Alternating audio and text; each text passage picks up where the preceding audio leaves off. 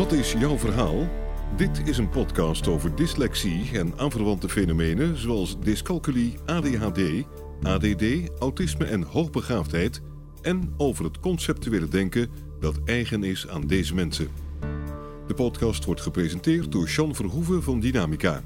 Zij is coach en trainer voor volwassenen met dyslexie en aanverwante fenomenen. Ze gaat ervan uit dat mensen met deze fenomenen allemaal conceptuele denkers zijn. Als je dat weet en weet hoe dit denken werkt, is het mogelijk om een gemakkelijker en succesvoller leven te hebben en effectiever te kunnen functioneren in je studie of je werk. In deze podcast gaat ze in gesprek met mensen die hun eigen verhaal willen vertellen. Een verhaal dat gaat over labels, hun andere manier van denken, hun tegenslagen, de voordelen van het conceptuele denken en hun succesverhalen. Jean Verhoeven spreekt uit eigen ervaring.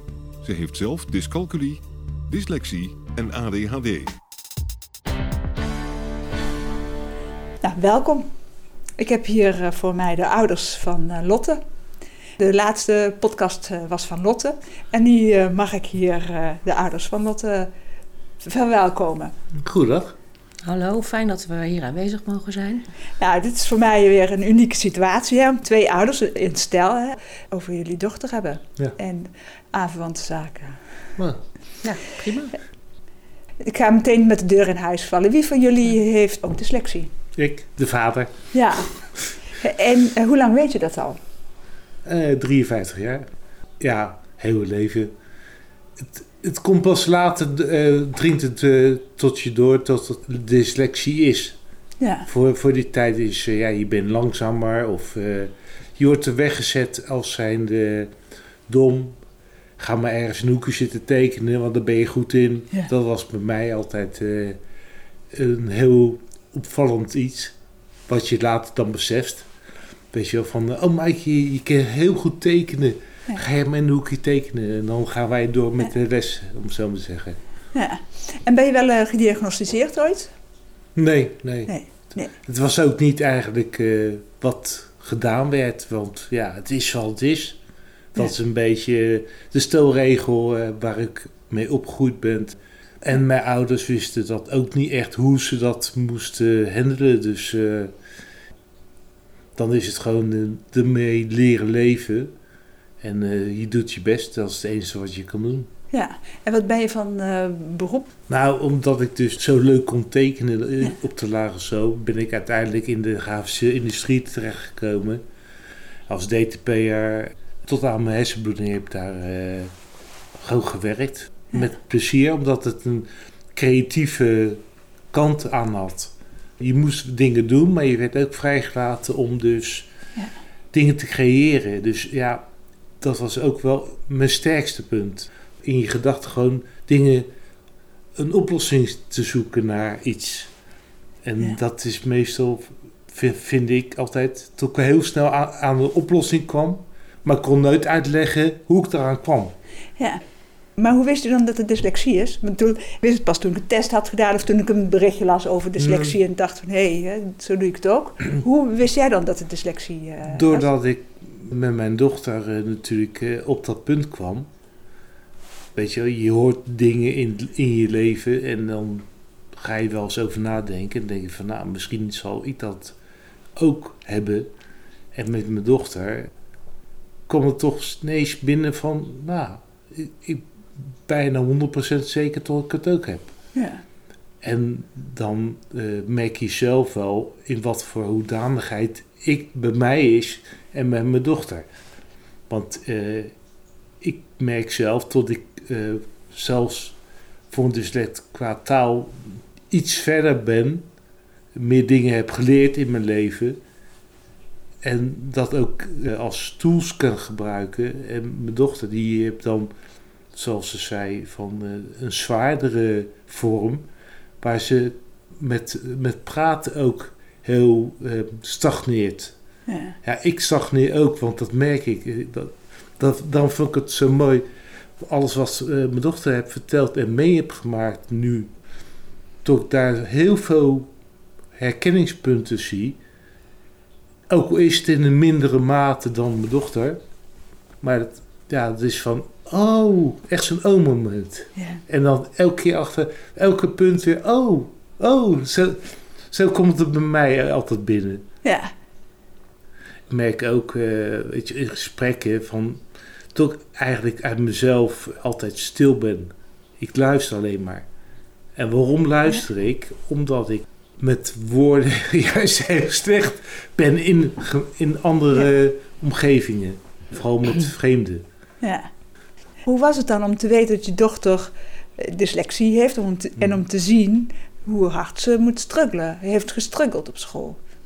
Wij als ouders eh, waren daar eh, natuurlijk hard aan de slag elke keer weer. En elke keer word je gewoon voorgelogen.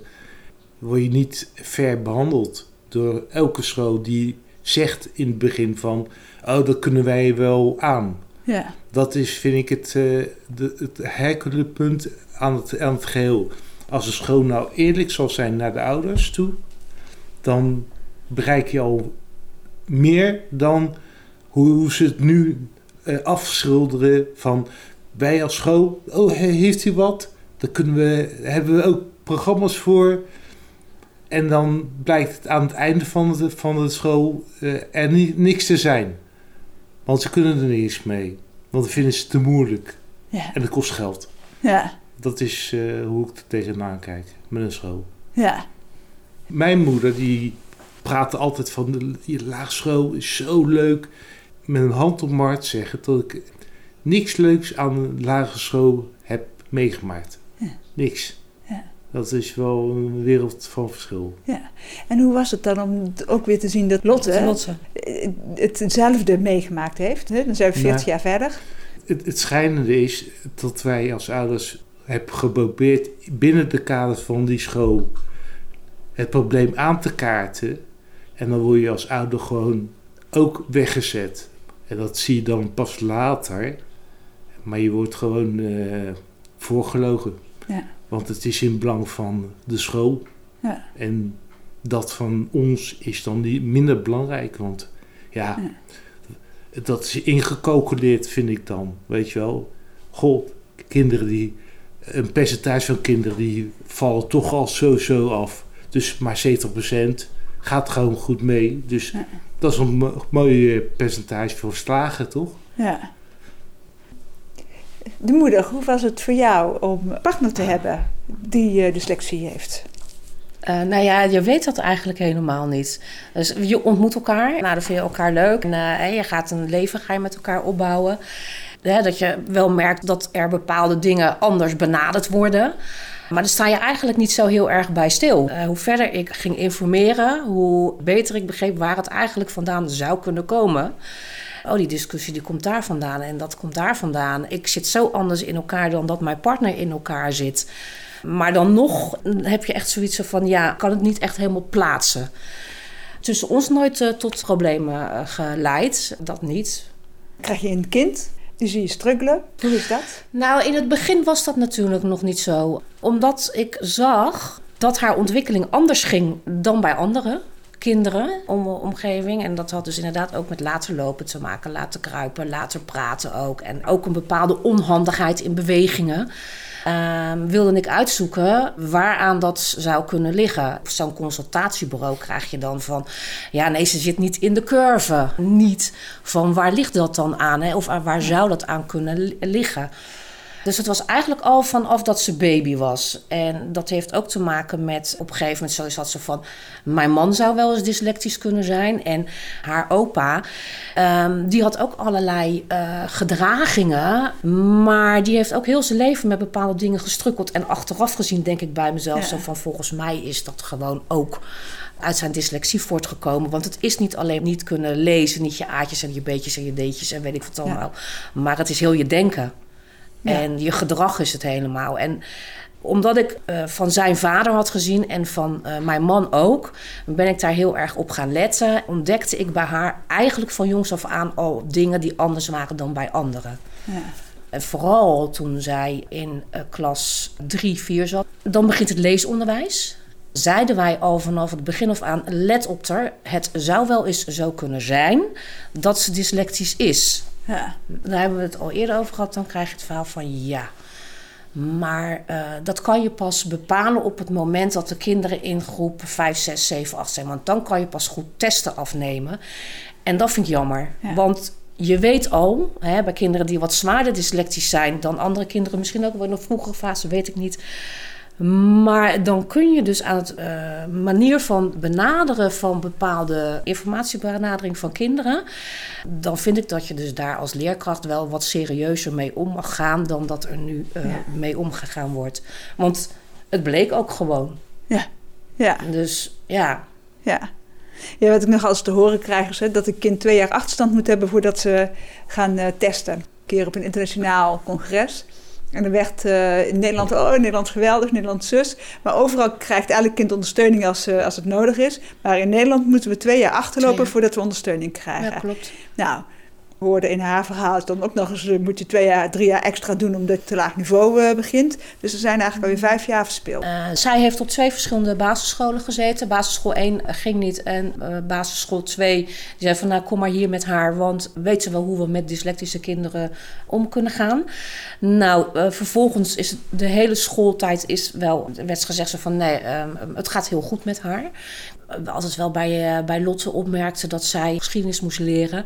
kreeg ze hele lappen tekst. En ik wist dus als moeder zijnde dat ze dat niet aankon. Maar maakte ik altijd uitreksels voor haar. En uh, zaten wij, s'avonds zaten wij die uitreksels te leren. En zij had altijd zeven, acht of negen had zij uiteindelijk. Ze had tienen ja. voor topografie. Ja. Dus wij hadden als ouders zijn al zoiets zo van... en mijn va eigen vader eigenlijk ook, die is leraar geweest... die had zoiets van, dat kind kan gewoon goed leren. Ja. Maar wij hadden wel zoiets van, daar zit goed leervermogen in haar. Ja. Maar vervolgens kijken ze op scholen alleen maar naar het taalkundige onderwijs. Dus uh, op taal gaat het niet. Ze kan niet lezen, laaggeletterd. Het, het rekenonderwijs uh, wordt ook taalkundig uh, aangeboden. Dus dat kan ze ook niet eigenlijk ja, wat, wat daarvan terecht ja. moet komen, maar zij kan gewoon niet mee. Terwijl zij op de andere vakken altijd hele goede cijfers had. Nou, zij is dus uiteindelijk ook met 2,5 jaar uh, lees- en rekenachterstand van school afgegaan. Ja. En, ook en hoe, de... hoe is dat dan voor, je, voor jou hè, als ouder om dat te zien, om dat mee te maken? Uh, jij zegt dat mijn kind niet mee kan, maar mijn kind kan wel mee. Mijn kind is gewoon intelligent, intelligenter dan dat jullie denken. Want zij kan, zij, zij kan onze dochter als dom weggezet is, terwijl dat helemaal niet zo is. denk ik zo van, een IQ kun je niet uh, taalkundig meten, zeg maar. Want ja. ook uh, de CITO-toetsen waar Lotte het eerder over had, is, dat zijn taalkundige toetsen. En als je dat als graadmeter neemt, is Lot dom. Ja, ja. En dan ja. denk ik bij mezelf zo van, maar... Um, ik snap dat zij daar onzeker van wordt. En ik word, ik word er alleen maar boos om. Ik ben er nu nog boos om. Dat zie je aan mij. Dat ik nu, dat ik, kan, ik word daar boos om. Ja. Hoe ja. kun je kinderen die eigenlijk gewoon uh, hè, willen leren, die kunnen leren, gewoon, ja. sorry, wegzetten? Ja. ja. Dus dat, dit roept het nog steeds bij mij op. Ja. Ja, en dan is dat het tien, twaalf jaar uh, geleden. Mm. Ja. Kijk, dat zij daar beschadigd van, van is geraakt, dat begrijp ik. Maar ook dat onmacht van jou als, als, als ouders in het schoolsysteem. Ja. Dat er niet naar je geluisterd wordt. En dat, dat vind ik erg. En wij hebben ook gezegd op school van kijk nou eens naar wat zij wel kan. Zij kan echt beeldend leren. Ja. En ja. als je meer op, op, op beeldonderwijs gaat zitten, dan kun je zoveel leren van mensen die dyslectisch zijn, die, die de wereld op die manier bij je naar binnen willen brengen. Dan, kan je, dan zie je de wereld op een hele andere manier. Mensen begrijpen dat niet, dus, maar ik heb daar dus dat meegekregen. Ja. Dus, maar boos, hè, ja. gewoon veel boosheid. Ja, nee, toch nog even over dat ouderschap. Hè. En, die, en dat krijg ik vaak te horen. Hè? Ja, mm. die, die ouders zijn zo uh, ja. bezorgd. Of die, ja, die denken dat hè, elk kind uh, moet naar het VWO. Ja. Nou, dan denk ik... Uh, ja, elk kind dat naar het VWO kan, moet ook naar het VWO, vind ik. Want diploma's zijn nog steeds heel erg belangrijk. Nou ja, ja. Lotte die had heel makkelijk uh, naar, uh, naar een VMBO gekund. Of, ja. Maar dat past niet bij uh, hoe het huidige onderwijs ingericht is. Althans, Ja, en dat het niveau van dyslexie, want dat blijft, is ook altijd weer zo'n discussie. Ja. Kijk, als je, als je maar een klein beetje dyslectisch bent en je hebt geen leervermogen, Ja. zoals je dat mooi noemt, Ja. ja, ben je dan erger dyslectisch dan wanneer je heel dyslectisch bent en je hebt een gigantisch Ja, leervermogen. Heel veel eh, verschillen. En ik ken heel veel mensen die eh, hoger ingestoken zijn met hun dyslexie, of ook zonder dyslexie, Mm. dan ik, minder, nou, minder goed terechtgekomen Maar zijn ik dan denk ik. dat dat ook gelijk de Ja. problematiek is. Omdat je heel veel verschillende vormen van dyslexie hebt natuurlijk. Oh, dyslexie, dan haal je de beetjes en de deetjes door elkaar heen. Ja, Ehm, maar dat is natuurlijk niet zo. Maar en dat is de, denk ik wel het probleem in het huidige eh, leersysteem. Dat je, omdat er dus heel veel verschillende gradaties zijn, moet je de kinderen ook verschillend eh, benaderen. En zijn er verschillende leertechniekmethoden nodig voor die kinderen. En dat maakt het ingewikkeld, want alles is, eh, heeft te maken met geld. Natuurlijk, want in het leersysteem scholen krijgen voor een x aantal kinderen krijgen ze een x budget. En op het moment dat dat budget op is, is het op. En dan Ja. doen ze niks meer voor, eh, voor de kinderen. Dus, eh, en, en, en tussen dat, eh, dat, dat veld, daar, daar- daar moet je ook als school zijn. Dan moet je natuurlijk opereren van hoe ga ik dit doen met die kinderen. En dan vallen kinderen zoals Lotte, die vallen buiten de boot. ja. Nou, maar Ja. ik, en ik vind dat echt, echt oprecht vind ik dat heel jammer. Want dat is wel wat ik als niet-dyslect geleerd heb. Dat eh, ik ben heel, ik ben wat dat betreft heel cijfermatig, heel talig ben ik. Eh, dat is, ja, je, je denkt met je linker hersenrecht of met je rechter hersenhelft. Het ook- lijndenken. het lijndenken, ja, Ja. die, die Ja. was ik even kwijt. En, eh, maar ik heb dus wel geleerd door mijn leven met een dyslectische man en eigenlijk ook schoonvader dus, eh, Ja. en ook dochter. De beeldenwereld, hè, zo noem ik het maar, waar, waar, waar dyslecten in leven, dat die eigenlijk zo'n grote toegevoegde waarde is. Het jammer vind dat dat in de huidige maatschappij eh, ontkend wordt. Want zo'n wereld voor je open als je ook dat meekrijgt. Ja. En ik zeg van eigenlijk zijn wij als lijndenkers maar heel erg arm ja. Vind, vind ik dan. Hè? Dus, Ja. eh, en, en ik vind dat van heel veel toegevoegde waarde. Een mooi voorbeeld eh, is dat wij in, Parijs waren. Ze zaten nog op, op de lagere school. Lotte, die, eh, die kreeg van mij de routekaart van het metro-netwerk. En zij, zij wist, we hadden gezegd van daar naartoe. Lotte, ga je gang. Dus ging gewoon, mam, die kant op, mam, die kant op. En zij, waar? Waar zie je dat dan? Oh, zie je dat? Dus met haar visuele eh, denken is tot zij gelijk de punten kan zien waar je in het metrosysteem gelijk naartoe moet. ja. Terwijl mijn vrouw eigenlijk eh, aan het zoeken was van, maar hoe zie je dat? Eh, ja, ik zie alleen maar lijntjes. Nee, je moet gewoon daar naartoe.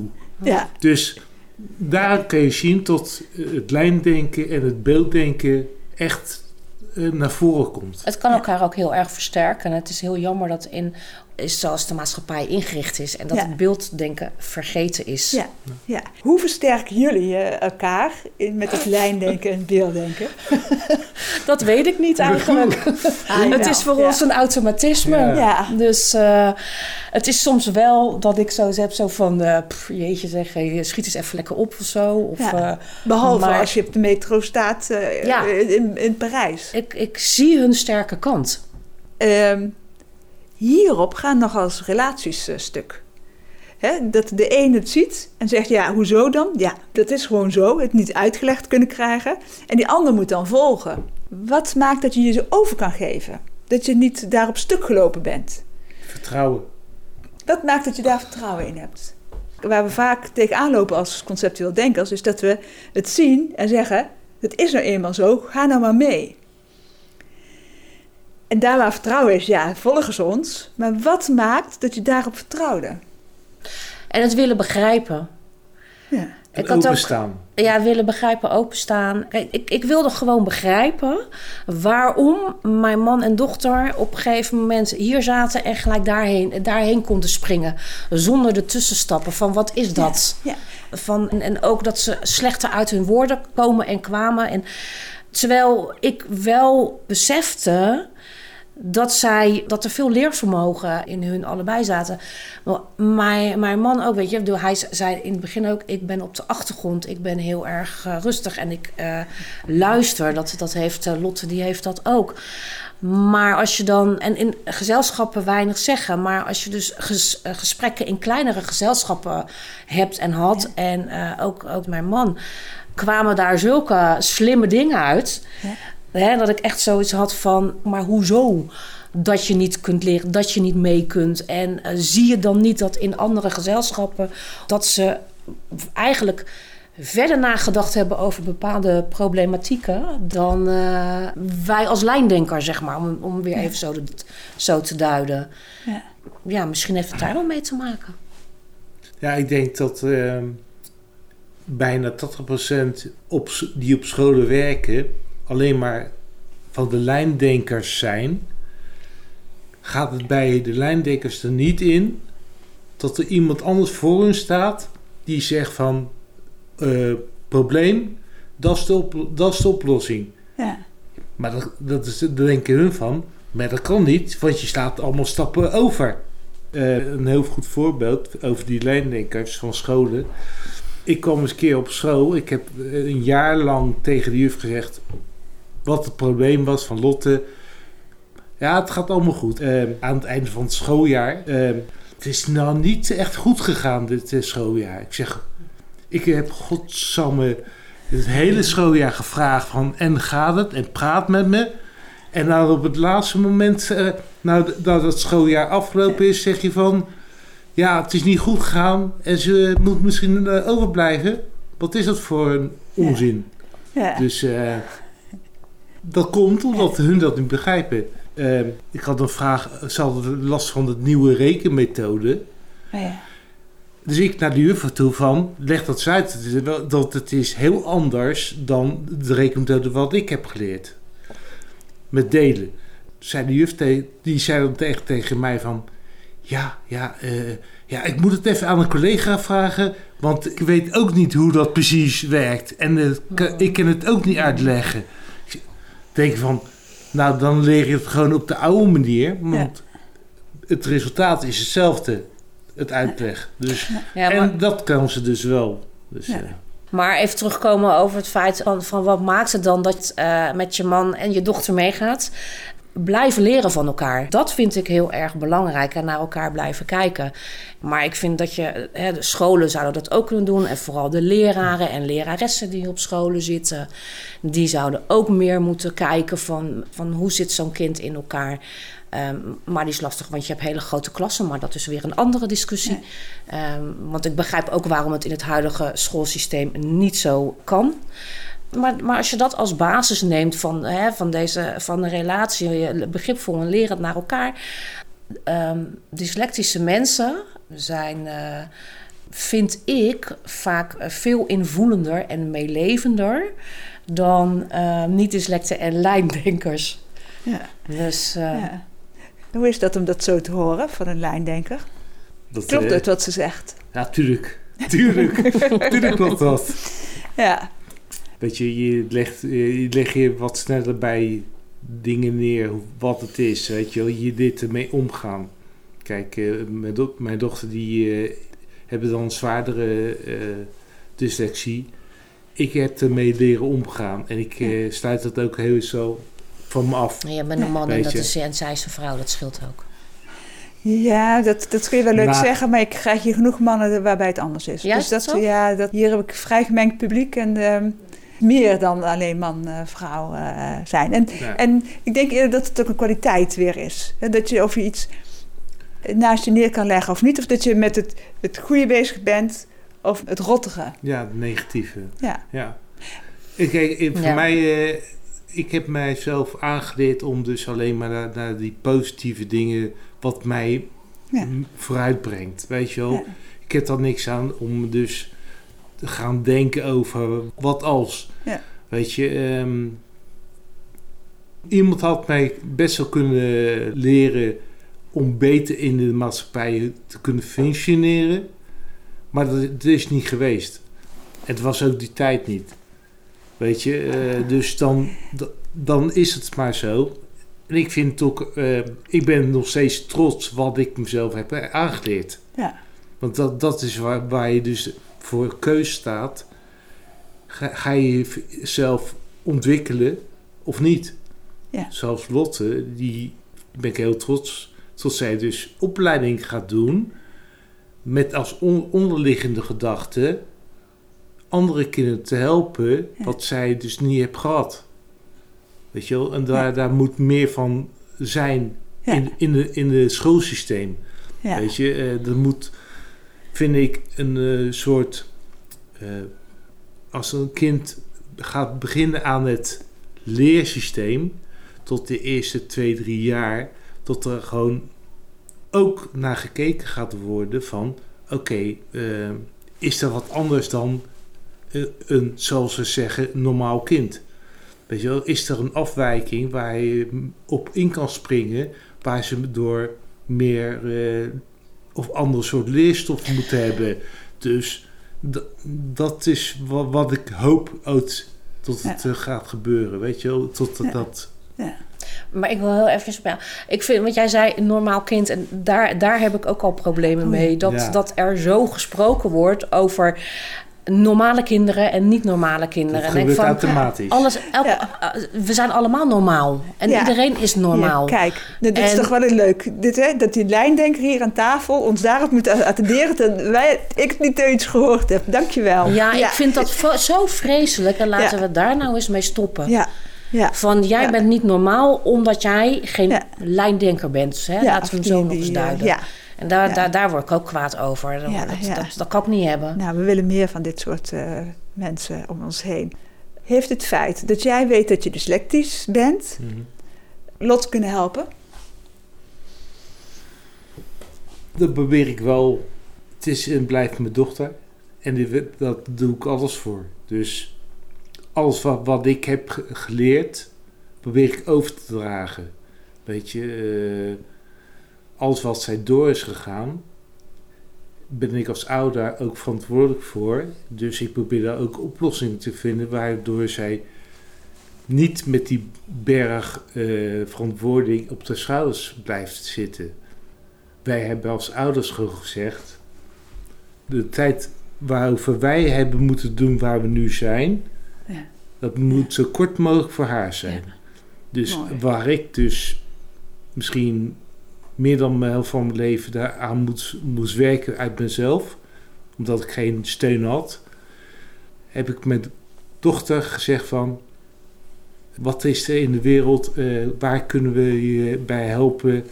Nou, heel toevallig eh, dat mevrouw jouw seminar hebt meegemaakt. Jaren geleden is een Oh, keertje ja. bij het ministerie van, Ja. eh, van Financiën... heb je een keer een lezing gehouden voor ambtenaren. In Den En- Haag. En, ik heb je altijd in mijn achterhoofd gehouden. Ja. Oh, wat goed. Dus, ja. dus op een gegeven moment zei, zei mevrouw dat. En zei van nou, maakt niet uit wat het kost. Doe het. Ja. Weet je wel. En eh, nou, we hebben het gewoon gedaan. Want we wouden gewoon tot zij veel eerder dan Ja. wij eh, die stap kan maken. Nou, ja. ze is nu pas 22. Maar ze, heeft al, ze is al een stuk verder dan ik was. Ja, en daarbij vind ik het ook nog belangrijk... want dit, dit is op, op scholing, Ja. met leren. En wat is jouw toekomst baangericht? Daar hebben wij best wel veel energie in gestoken. Dus, en dan nog denk ik dat wij wel, wel tekortgeschoten zijn in bepaalde dingen. Omdat je ook aan het pioneren bent. Je weet Ja. het eigenlijk ook Ja. niet zo. Maar daarnaast probeer je je kind zo goed mogelijk op te vangen. Toch eh, heb ik als moeder zijnde echt het idee dat ik daar ook op een bepaalde manier in gefaald heb. Ja. Ja. Dus ja, dat, Ja. Dat, dat vind ik jammer. ja. Omdat je ook zo moet opboksen tegen de scholen, tegen een manier van leren. Ehm, dat dat niet kan, dan raakt het andere gedeelte in gedrang. Nu zijn we wel verder. Nu, nu is zij zelf ook, ook verder eh, heeft ontwikkeld. En ze, heeft, ze kan voor zichzelf duiden wat er aan de hand is. En eh, staat als 22-jarige, vind ik heel sterk in het leven. Sterker dan heel veel leeftijdsgenoten van haar. Dyslect en niet-dyslect. Kan ze daar gelukkig met ons wel over praten. Maar eh, ik vind dat nog een lastig stuk. Ja. Ja. Ja. ja, en is het dan gefaald of heb je echt, kon je niet meer? We hebben het te doen met wat er is. Mm, Ja, je hebt het te doen wat, eh, wat Ja. er is. Nou ja, of echt gefaald hebben, dat is natuurlijk ook niet, is niet zo. Want je, als ouder zijn, dan leer je ook kinderen opvoeden. Ja, maar dat het zo eh, kan voelen. Hè? Ah, ja, dat, dat is je gevoel wat daarbij zit. Maar ja, het, je zou willen dat dat niet zo zou hoeven Ja. te zijn. Ja. Dat omdat je gewoon zoveel aandacht... eh, nou, we hadden ook een andere keuze kunnen maken daarin, denk ik, of zo. Om, om te zeggen, van, joh, weet je, dat onderwijs, laat het maar zitten. En eh, weet ik wat allemaal. Hadden we ook, eh, ook eh, voor kunnen kiezen bij haar. En alleen maar op, op het geestelijke, emotionele eh, gaan zitten. Maar dat, dat weet je niet, dat weet je allemaal achteraf. En dat vind ik ook altijd wel jammer, dat het altijd wijsheid achteraf Ja. is. Maar hoe bedoel je dat? Andere keuzes kunnen maken hè, met het onderwijs. Hoezo had je dat onderwijs kunnen Ja. negeren? Had je het... eh, Nou, eh, Het liefst had ik dat je, wel gehad. je bent zo geprogrammeerd om in het schoolsysteem te denken, terwijl je eigenlijk achteraf gezien dacht van nou, keuze van een andere leersysteem. En dan moet je dus eh, die keus maken, maar Ja. aan die keus hangt natuurlijk ook een prijskaartje. En op dat moment in ons leven konden wij dat prijskaartje Ja. niet. Dus dan ben je ook weer, word je automatisch weer teruggebogen naar het. Normale onderwijs, om het zo maar te zeggen. ja. Terwijl we de, achteraf gezien misschien eh, hadden gezegd van nou, misschien had een ander type school voor haar Ja. beter geweest. Zo'n vrije school of Maar speciaal onderwijs misschien wel. Of- Alhoewel er op speciaal onderwijs Ja. ook gewoon dingen niet goed gaan. nee. Dus, dus, Dus ik- ja, ja. Weet je wel, dat zijn keuzes waar je denk, achteraf denkt van ja, had dat dan niet misschien Ja. beter geweest voor haar? Want Mm. We weten in ieder geval zeker dat in het normale onderwijs haar eh, Ja. veel onrecht is aangedaan. ja. Wat zij eh, ook eerder al zei eh, tijdens, eh, tij- tijdens hè, eh, jouw gesprek met haar. Ehm, zij heeft wel een moeilijke weg doorlopen. Ze is naar hè, basisschool, praktijkschool, eh, MBO 1, MBO 2. Daar is ze allerlei verschillende mensen en kinderen ook eh, tegengekomen. En heeft ook geleerd om problematieken te herkennen ja. en gedrag te herkennen bij eh, mensen, kinderen, jong, jongvolwassenen.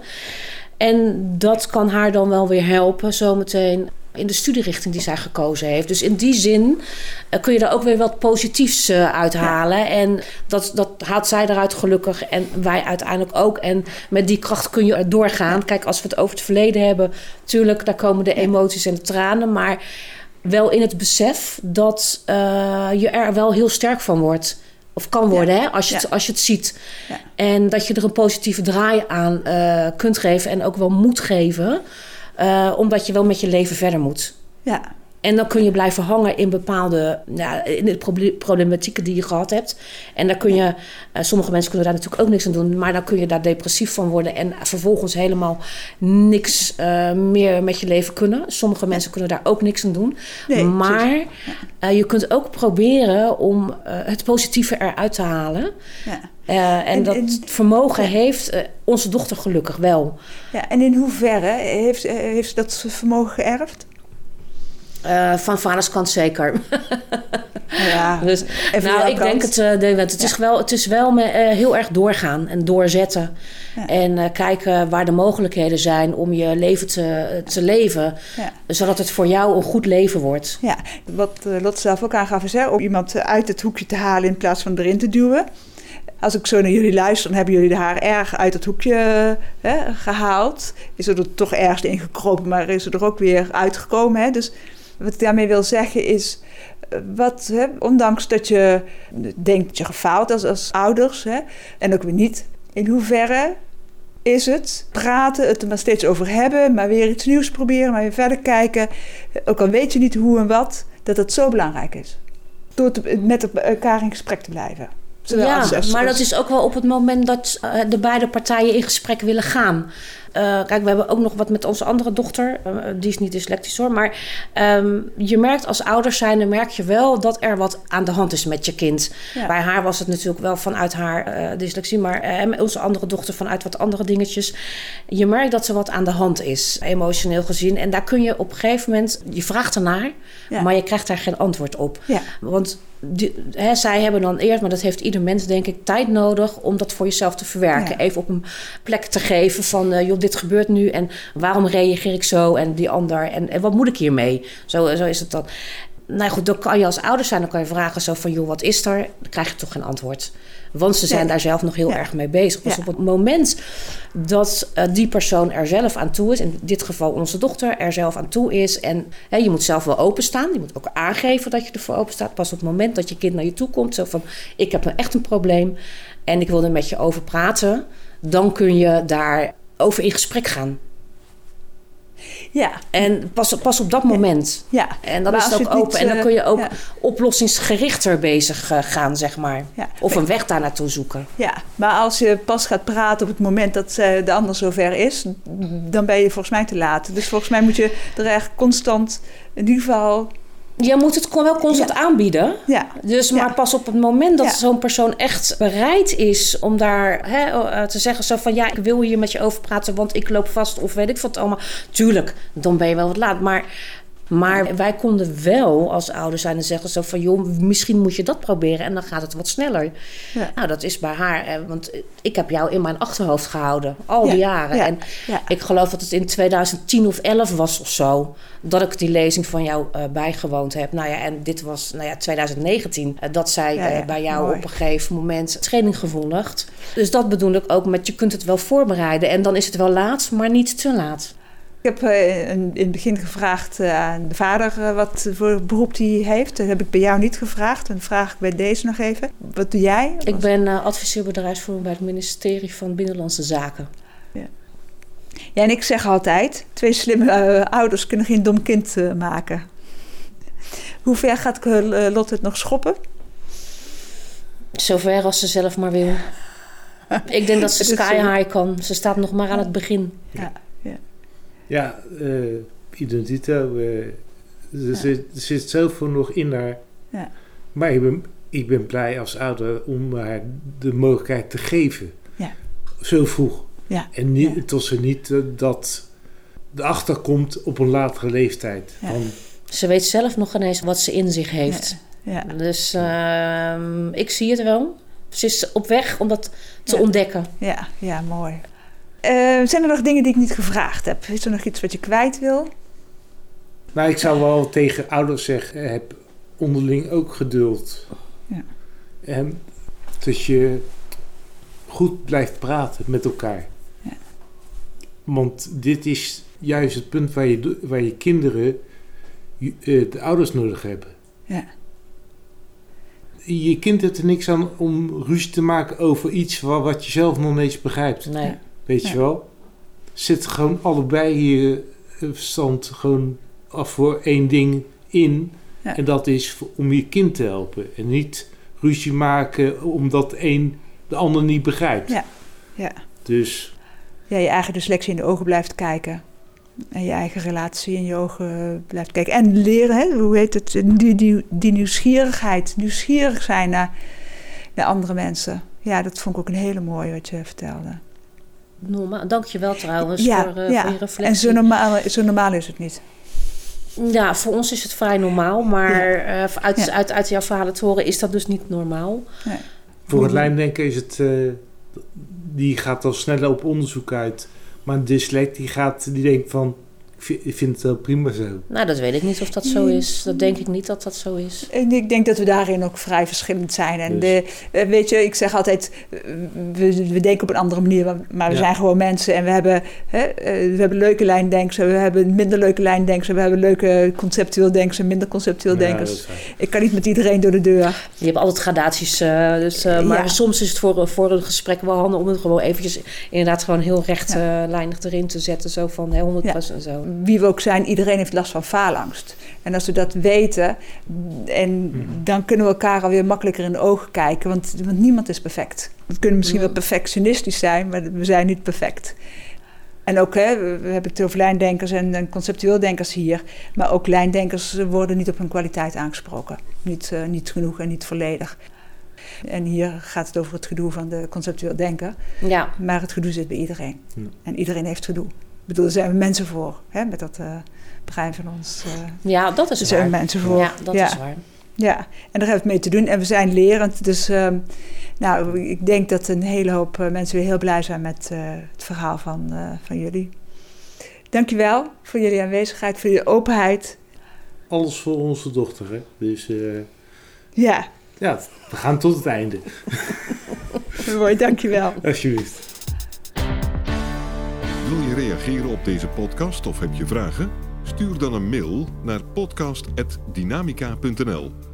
De reacties zullen worden meegenomen in volgende podcasts. John Verhoeven geeft coaching, workshops en trainingen. Wil je meer informatie?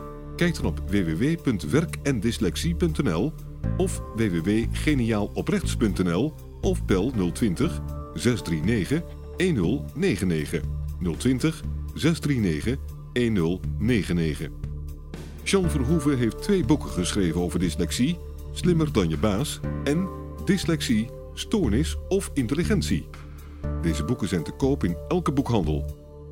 Stuur de podcast door naar iedereen waarvan je vindt dat ze meer zouden moeten weten over dyslexie, ADHD, ADD, dyslexie, dyscalculie, autisme en hoogbegaafdheid en het conceptuele denken. Deze podcast is gemaakt in samenwerking met Marcel de Hoog van Storytelling Media.